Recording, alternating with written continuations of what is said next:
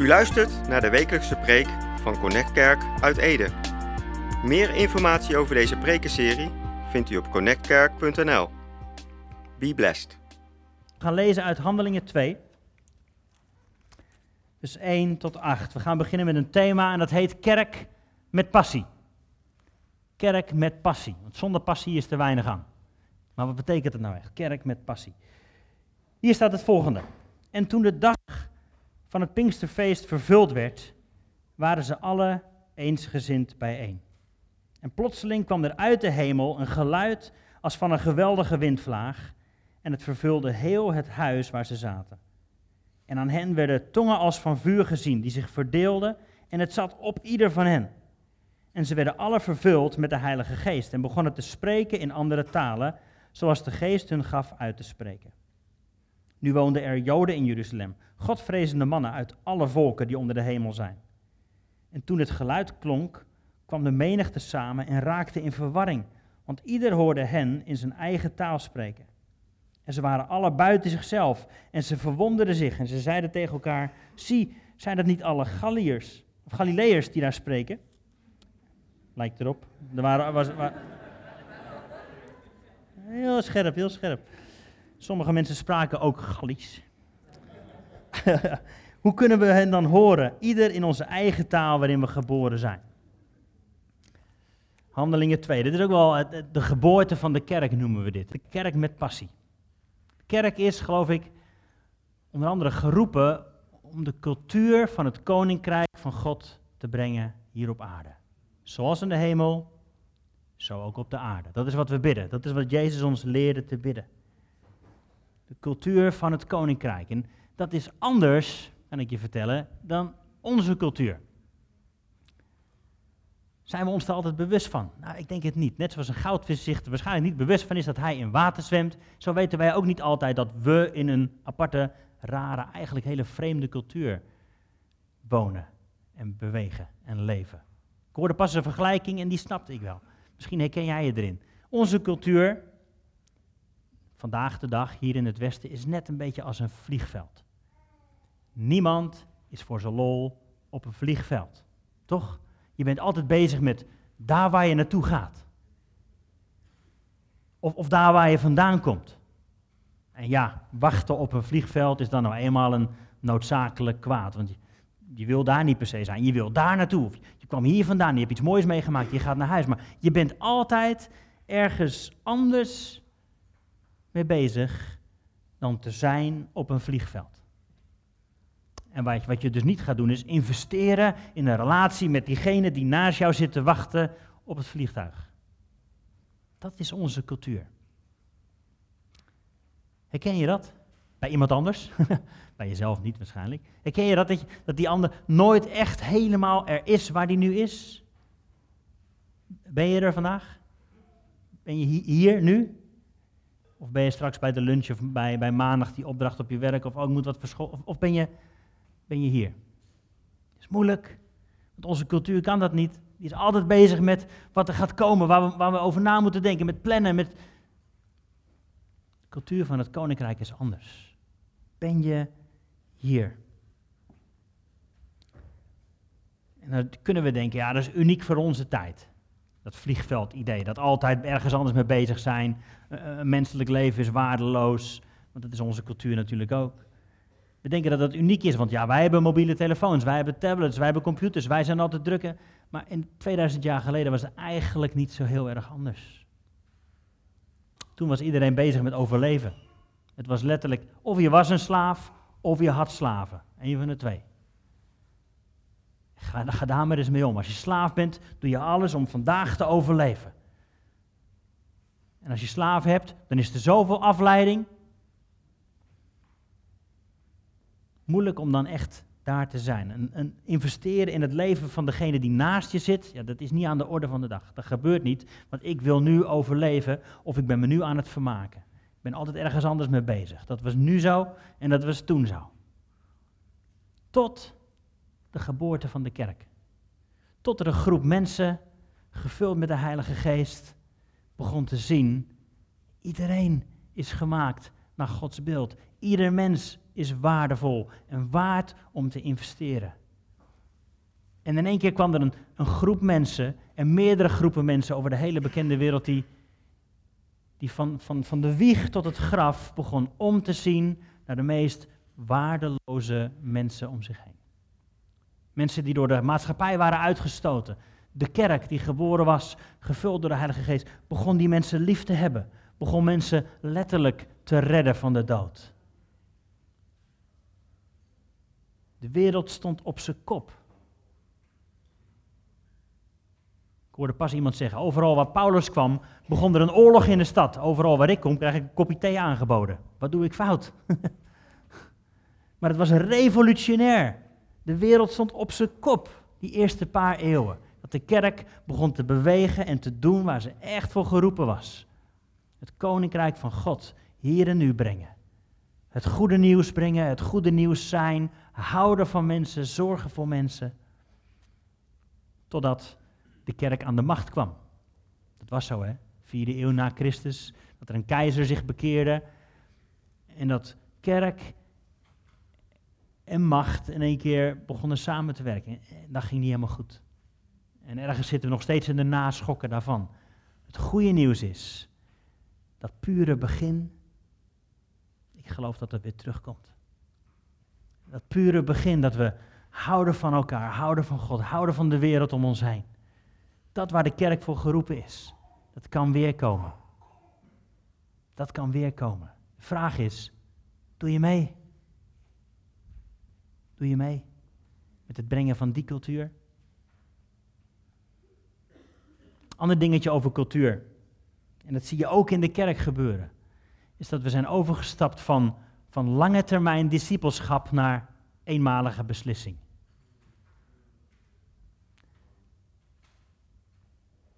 Ja, maar ik heb mijn hand opgestoken tijdens een zondagdienst en ik heb een gebed gebeden.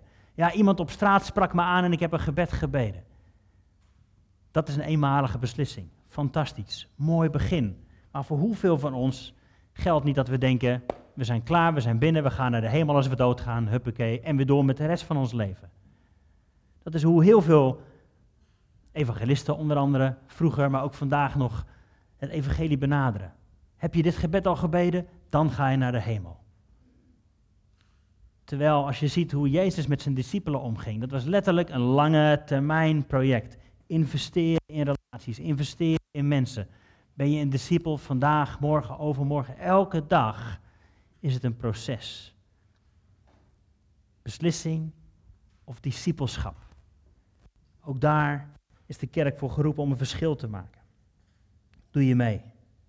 Een paar dingen over Handelingen 2, wat we net lazen. Het begin van de kerk. Een paar dingen die me opvielen. Het begint zoals altijd, en dat zou ook de titel denk ik zijn voor vandaag als we deze serie ingaan, Kerk met Passie. De titel voor vandaag zou zijn, beweeg jij mee met Gods initiatief? Beweeg je mee met Gods initiatief? Want dat is wat hier gebeurt. Handelingen 2 staat, ze waren bij elkaar in die bovenzaal. Maar dat kwam omdat Jezus had gezegd, wacht. Het was Gods initiatief. Dat ze samen waren om te bidden, om te wachten. Was niet hun eigen idee. Ze bewogen mee met dat wat Jezus zelf had gezegd. Ga dit doen. Ik ga naar de hemel, maar wacht op mij. Ik zal de trooster zenden. Wacht. Dus de kerk, deze bijeenkomst, alles begint met Gods initiatief. Ze waren gehoorzaam aan Jezus in Handelingen 2. En dan lezen we, ze waren eenparig. Ze waren samen aan het bidden. Eenparig in gebed. Dat is Gods hart. Dat we eenparig zijn, dat er eenheid is. Het zal deze serie nog wel vaker terugkomen. Eenheid, eenheid, eenheid. Dat is het hart van God, het hart van Jezus, wat hij bidt voor zijn discipelen. Niet dat we allemaal hetzelfde eruit gaan zien, allemaal hetzelfde moeten gaan doen, alsjeblieft niet. Net zoals deze bloemen bijvoorbeeld, Stefanie heeft ze meegenomen, ze zijn schitterend. Ze zijn allemaal verschillend, allemaal verschillende kleuren, allemaal verschillende soorten. Ik heb geen idee welke wat is, het ziet er mooi uit. voor mij is het allemaal bloemen. En jullie ook. Eenheid in veelkleurigheid, in verscheidenheid, maar wel eenparig. Ze hadden één verlangen. Jezus, doe wat u beloofd heeft. Doe wat u beloofd heeft. Ze waren eenparig aan het bidden, gebed. Voor de, voordat de kerk kon beginnen, was er gebed. Daar begint alles mee. Is ook Connect Kerk begonnen. Voordat we begonnen met onze diensten, met samenkomen, waren we met een klein clubje mensen samen om te bidden, om te luisteren, om te wachten. Heilige Geest, wat wilt u doen? Wanneer wilt u doen? Hoe, hoe gaan we het doen? We willen luisteren terwijl we aan het bidden zijn. We willen meebewegen met Gods initiatief. En dan, handelingen 2, dan gebeurt het. Wind en vuur.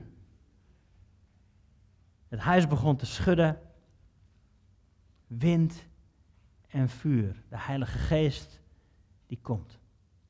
Pinksteren. Uitstorting van de Heilige Geest. Zonder de Heilige Geest gebeurt er niks. Of in ieder geval niet iets wat stand houdt en wat eeuwigheidswaarde heeft. De kerk begint met de komst van de Heilige Geest. En dan zie je, ze gaan naar buiten.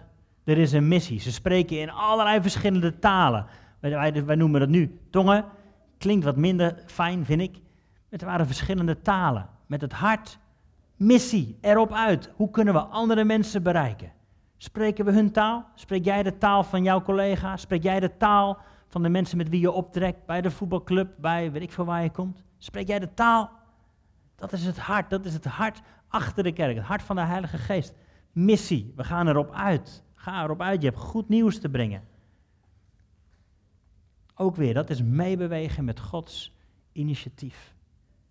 Niet ons idee dat er een missie is. Gods initiatief.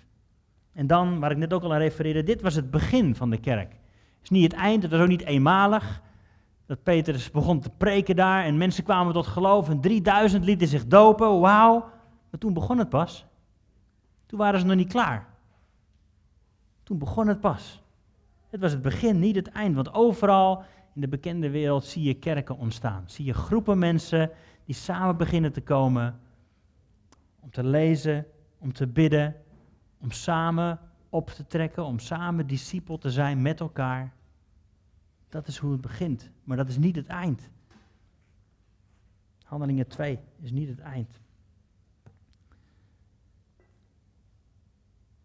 Vuur en wind, dat gebeurt in de handelingen. Een ander verhaal, wat gaat over wind en wat gaat over de Heilige Geest, staat in Ezekiel hoofdstuk 37. Voor diegenen onder ons die bekend zijn met de Bijbel is het misschien een heel bekend verhaal, maar wat ik ga doen, is ik ga het voorlezen straks en ik wil je dan vragen om je ogen te sluiten en je verbeelding eens te gebruiken. Ik geloof dat we veel creatiever zijn dan we zelf doorhebben. Niet alleen de mensen aan die tafel, bedankt, maar wij ook. ook al kan ik niet tekenen. Maar dat je je ogen straks sluit als ik begin met voorlezen en dat je je indenken. Hoe, hoe zou gezien, eruit gezien hebben? Hoe heeft het gevoeld? Hoe heeft het, wat voor effect heeft het gehad op diegene die dat zag? En als je je verbeelding gebruikt, ook in je gewone normale dagelijks leven als je bidt, kan God in één keer veel dichterbij komen. Een verhaal uit Ezekiel, uit het Oude Testament. Maar misschien ook wel een verhaal over de kerk vandaag.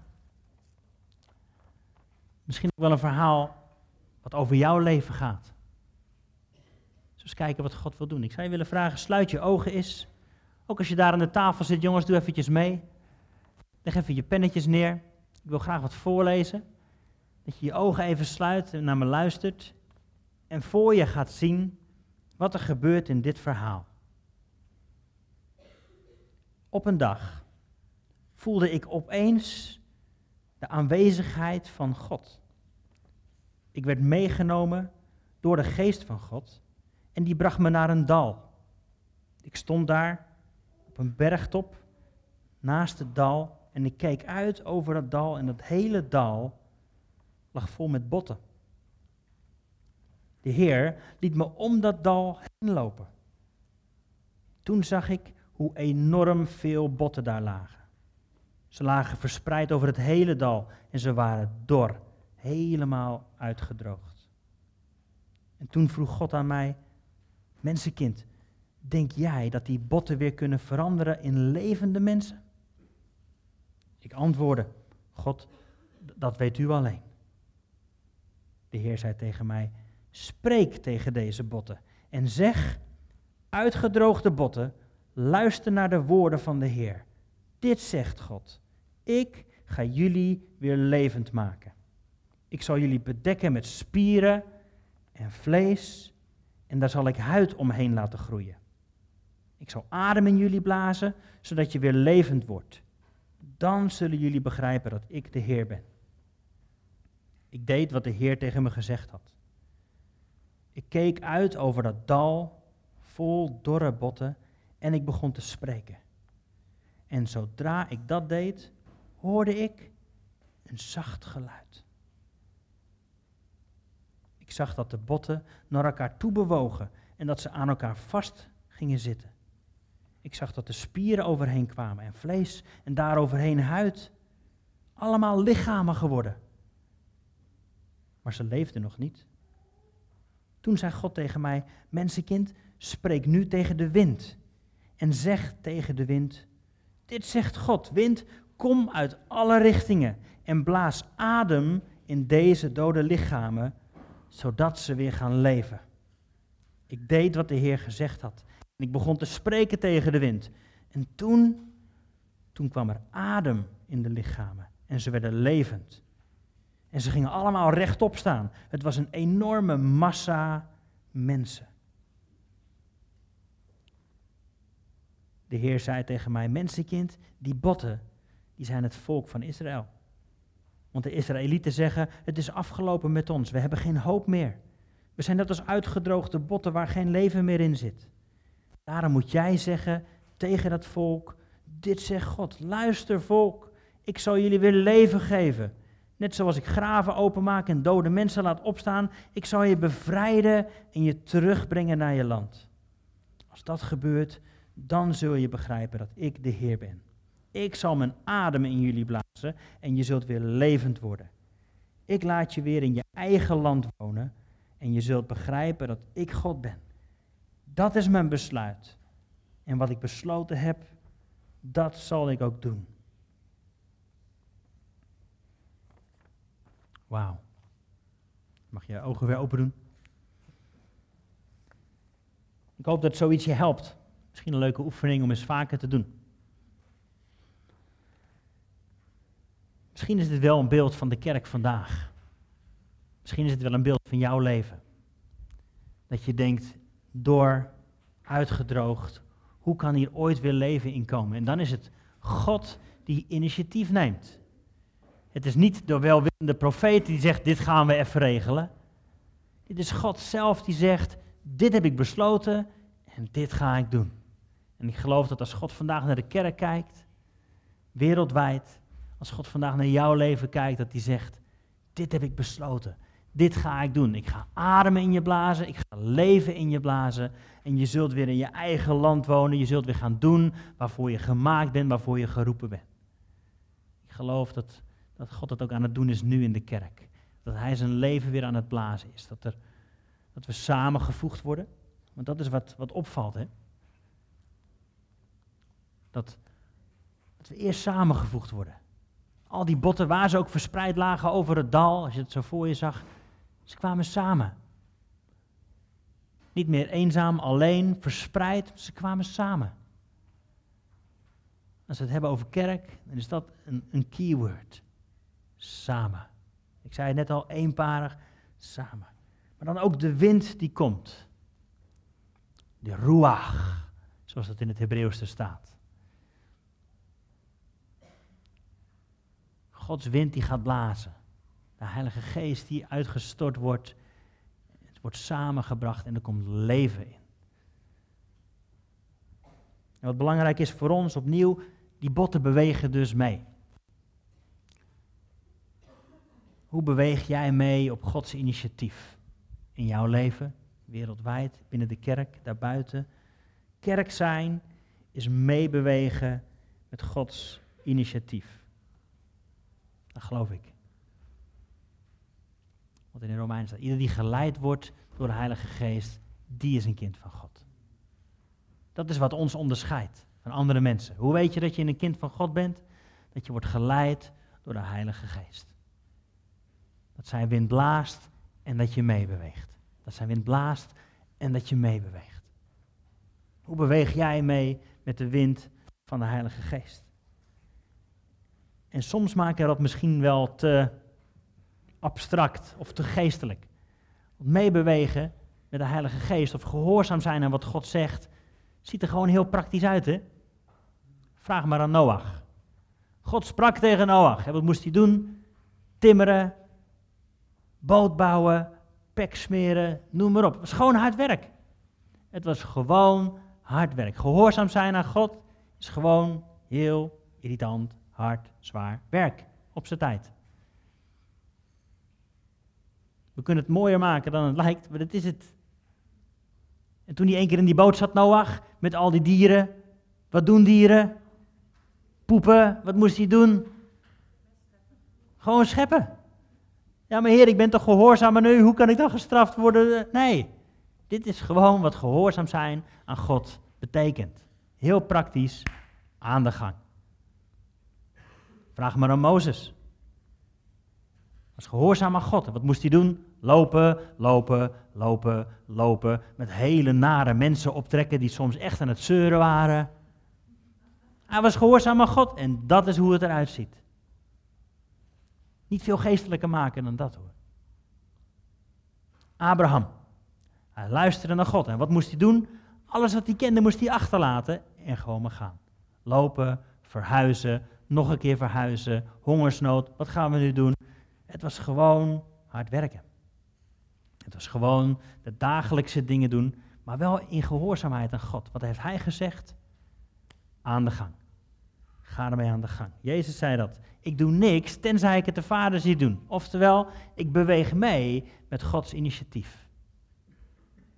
Ik beweeg mee met Gods initiatief. Dat is ook hoe deze kerk ooit begonnen is. Dat we ooit het idee hadden als gezin, we moeten erop uit. We moeten gaan.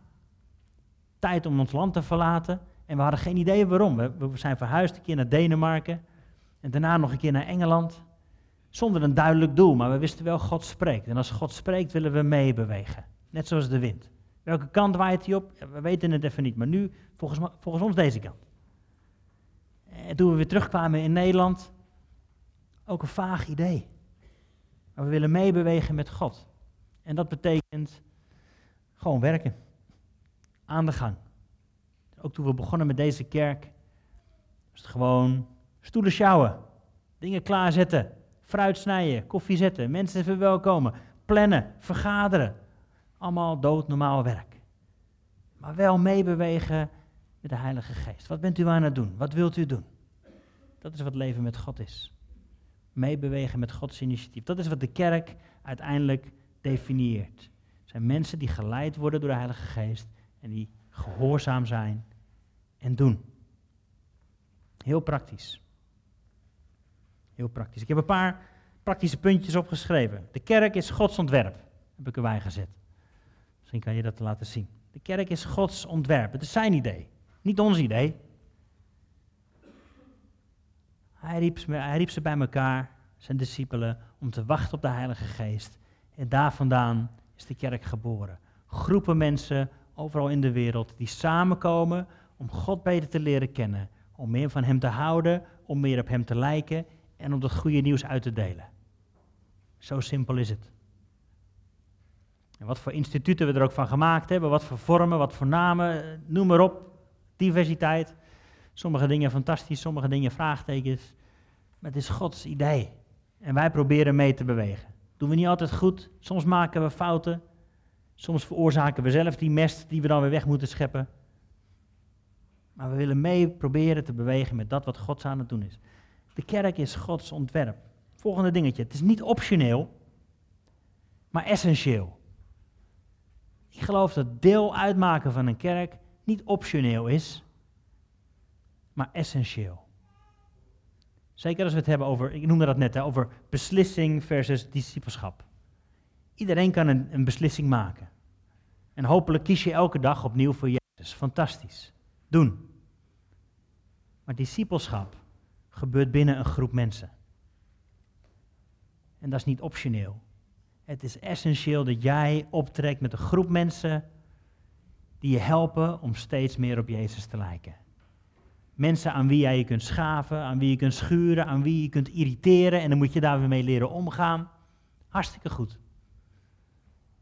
Hartstikke goed. Ik hoop dat je over vijf jaar anders bent dan vandaag. En ik geloof dat je nu anders bent dan vijf jaar geleden. En dat komt door de mensen om je heen. Door de groep mensen die je om je heen verzamelt, die je stimuleren, die je corrigeren, die je helpen als dat nodig is. En we kennen allemaal verschillende tijden in ons leven. Hè? Iedereen zoals we hier zitten, we hebben allemaal ergens wel een soort van verleden met kerk.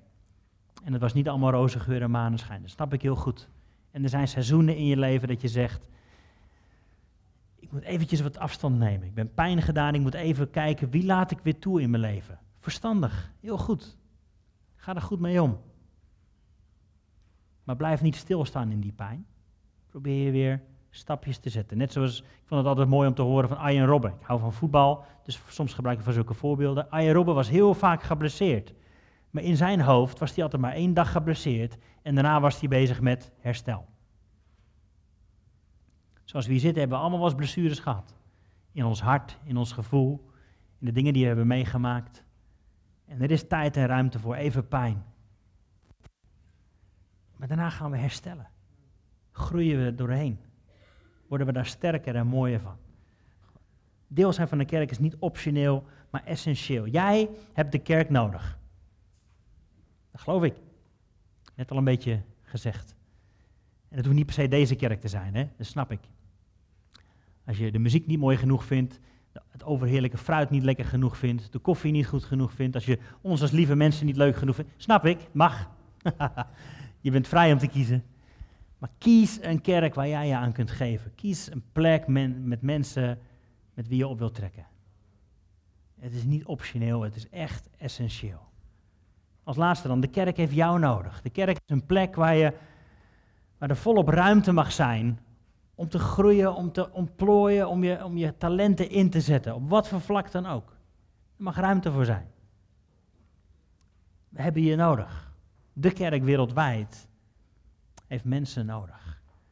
God begon met een groepje mensen.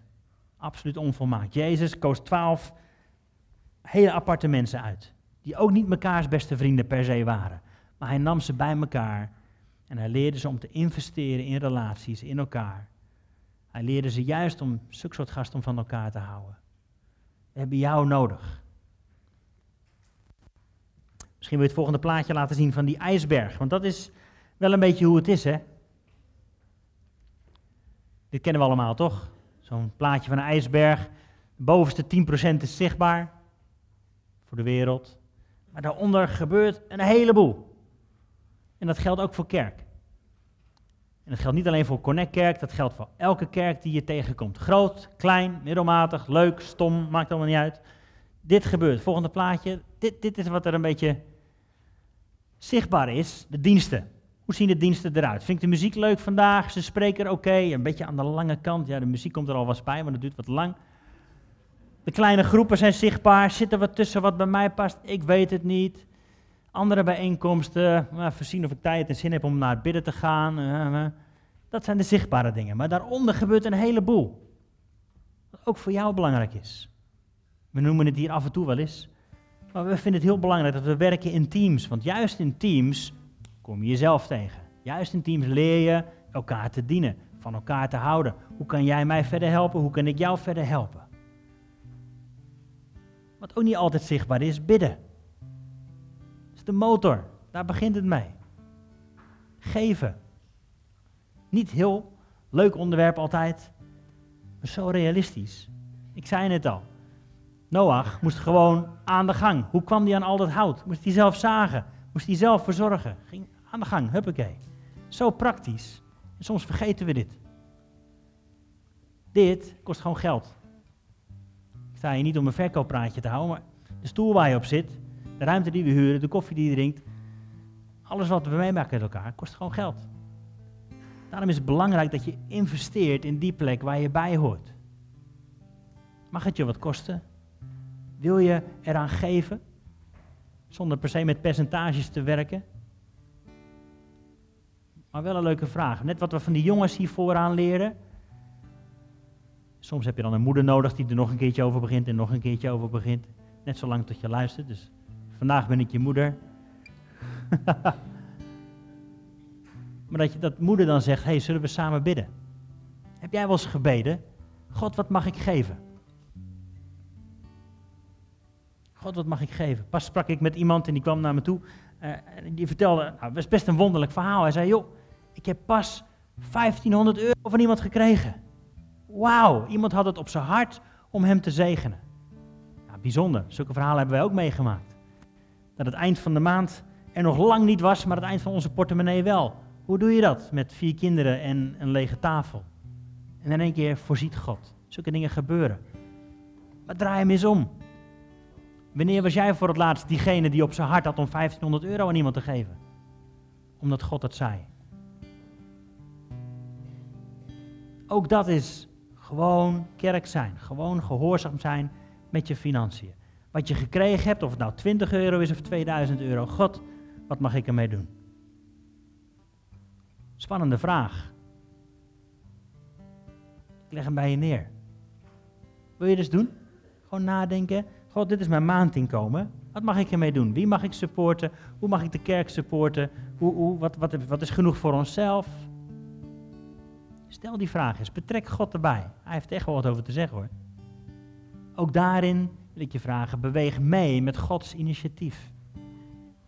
Natuurlijk gebruik je je eigen wijsheid erbij, prima, maar beweeg mee met wat Hij aan het doen is. Ook dat is discipelschap. Samen steeds meer Jezus leren kennen. Steeds meer zijn woord leren kennen. Steeds meer hem vertrouwen en gehoorzamen. Dat gebeurt allemaal onzichtbaar, maar zo belangrijk. Leiderschap, ook zo'n dingetje. Hoe ga je daarmee om? Ik zeg het wel eens, als het goed is, is leiderschap niet zo heel zichtbaar. Net als botten in je lichaam. Als het goed is, zie je ze niet. als je ze wel ziet, dan heb je een probleem de structuren en leiderschap. Daar moet je over nadenken. Hoe ga je daarmee om? Gehoorzaamheid. En daaronder identiteit. Als kerk weten we wie we zijn in Christus. Weet jij wie je bent in Jezus? Weet je dat je geliefd bent, dat hij van je houdt, dat hij voor je zorgt, dat hij je geroepen heeft, dat er een plan is, dat er een land is waar je mag wonen, waarvoor jij geroepen bent. De kerk is geroepen om mee te bewegen met Gods initiatief. God is begonnen. Wil je meebewegen? En ik wil terugkomen waar we helemaal mee begonnen. Handelingen 2, de Heilige Geest die komt. De Heilige Geest die komt met wind en met vuur. Leggen we naast Ezekiel botten die we samengevoegd worden, leven wat erin komt. Dat wil ik graag ook over ons bidden. Zullen we gaan staan? en de Heilige Geest uitnodigen om ook met wind en met vuur te komen. Om ons te gaan leiden met dat wat hij aan het doen is. In zijn kerk wereldwijd, hier in Ede, waar dan ook.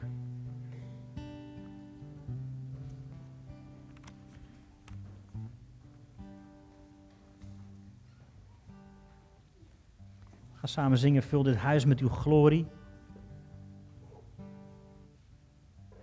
Hoe mooi is dat dat we dat kunnen uitzingen. Vader, vul ons huis. Als ons hart op ons hart leggen. Vul dit huis. Hier mijn leven. Vul dat met uw glorie. Vul dat met uw Heilige Geest. Wilt u komen met wind en met vuur. Wegblazen wat niet bij ons hoort. Dingen die verspreid lagen, weer samenvoegen. Wilt u mij samenvoegen met anderen. Wilt u ook komen met leven het leven van de Heilige Geest. Te komen met vuur, met een passie, met een missie. Vuur wat wegbrandt, wat niet bij ons hoort.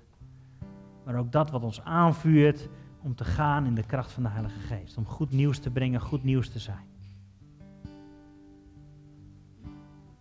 Ik wil je vragen om als we dit lied zingen, heel eenvoudig je handen zo voor je te openen.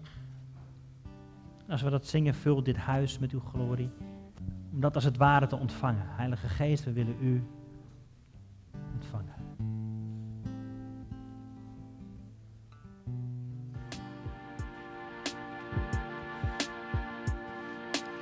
U luisterde naar de wekelijkse preek van Connect Kerk uit Ede.